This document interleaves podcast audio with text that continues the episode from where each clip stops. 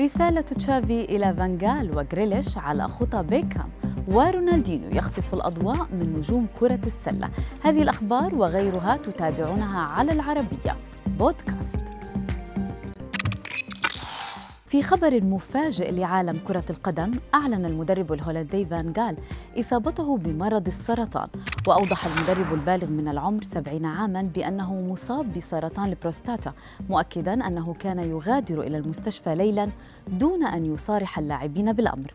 ولم تتأكد بعد إمكانية قيادة فان غال لمنتخب بلاده في كأس العالم المقبلة.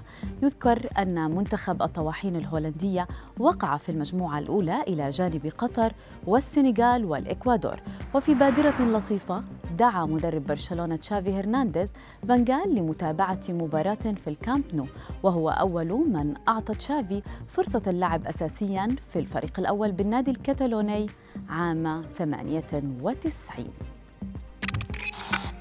يبدو أن نجم الكرة الإنجليزية جاك ريليش يسير على خطى ديفيد بيكام أيقونة الكرة والموضة حيث يقترب جريليش من توقيع عقد رعاية مع دار الأزياء الشهيرة غوتشي بعد أن أصبح أغلى لاعب كرة قدم إنجليزي الصيف الماضي وتصل قيمة العقد إلى مليون جنيه استرليني كما سيحصل لاعب مانشستر سيتي على لقب سفير الماركة العالمية.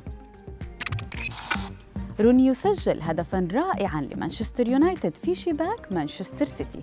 والحديث عن كاي روني نجل النجم الإنجليزي واين روني؟ الطفل البالغ من العمر 12 عاما يواصل إبهار إدارة المان يو ويرتدي روني جونيور الرقم 18 ويلعب إلى جانبه نجل كريستيانو رونالدو وهما يتمتعان بكمية تفاهم كبيرة بالملعب معيدان إلى الأذهان أمجاد والديهما.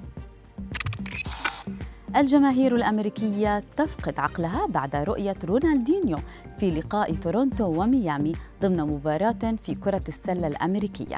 النجم البرازيلي حظي باستقبال حار في الملعب وانتشرت صوره على الشاشة الرئيسية قبل أن يعج تويتر بتغريدات مشجعي كرة السلة الذين عبروا عن مدى فرحتهم بقدومه.